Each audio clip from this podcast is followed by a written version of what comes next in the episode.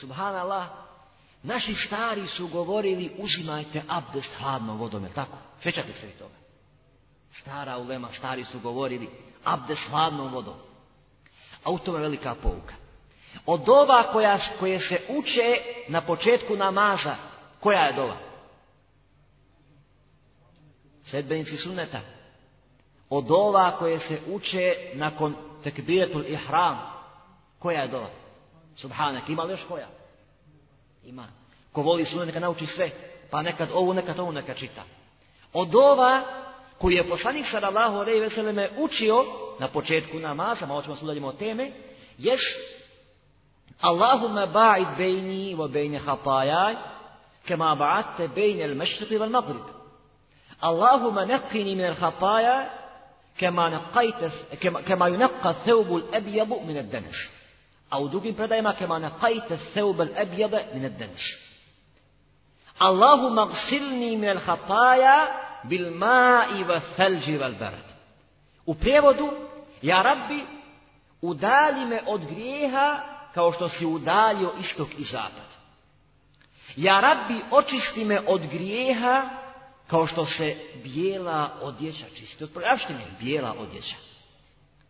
Ja rabbi, operi operime od grijeha vodom, šnijegom i ledom. Pogledajte ovo, vodom, snijegom i ledom. U drugoj predaji hladnom vodom. Kaže Ibnu Kajim, rahmetullahi alejhi, pitao sam šejhul Išvama, u čemu je mudrost Allahova?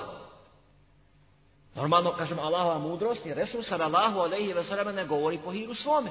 Ovu dovu to je Allahov, Allahova da Nije to njegov izum poslanikov, to je od Allaha. Jer poslanik sallallahu alejhi ne govori po hiru svome.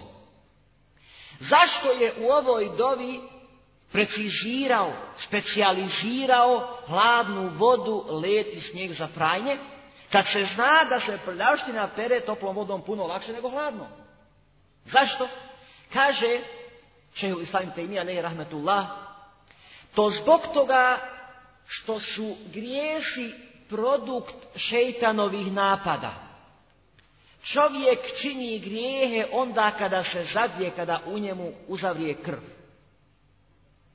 A zna se da se toplota ublažava hladnim, nečim hladnim. Otuda čovjek kad uzima abdes hladnom vodom, on donekle sputava svoju strast. Zato je tuširati se hladnom vodom i abdest se hladnom vodom, pogotovo mladim ljudima u ljetnijem periodu jako zdravo. Upamte to. Samci i samice, neoženjeni i neudate, hudovci i hudovice, pušćenci i pušćenice, zapamte ovo. Jer hladna voda gasi vatru. A šta je straš do vatra? straška se sa to je vatra. Zato poslanik sallallahu alejhi ve selleme kad naređuje ashabima radijallahu anhum da uzimaju abdes nakon što jedu uh, kamilje meso, devlje meso, kaže islamska ulema, mogući razlog toga je što je i deva stvorena kao i šetan od iste materije, od vatre. A kad čovjek pojede devlje meso, poprima osobine mesa kog jede. To je dokazao medicinski. Jedeš svinsko meso, dobijaš osobine svinje ako puno jedeš. Jedeš kravlje meso, dobijaš ta svojstva. Jedeš kamilje meso, dobijaš ta svojstva. Bog toga su Arabi po prirodi osori i grubi.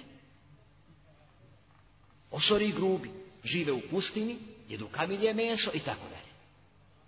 Zato kaže da bi se ublažila kod čovjeka Sržba koja može da bude prouzrokovana tom vatrom, gasimo je vodom. A to je abdest. Zbog toga kad jedete kamilje meso, uzmite abdest. Da se ne biste olako srdili.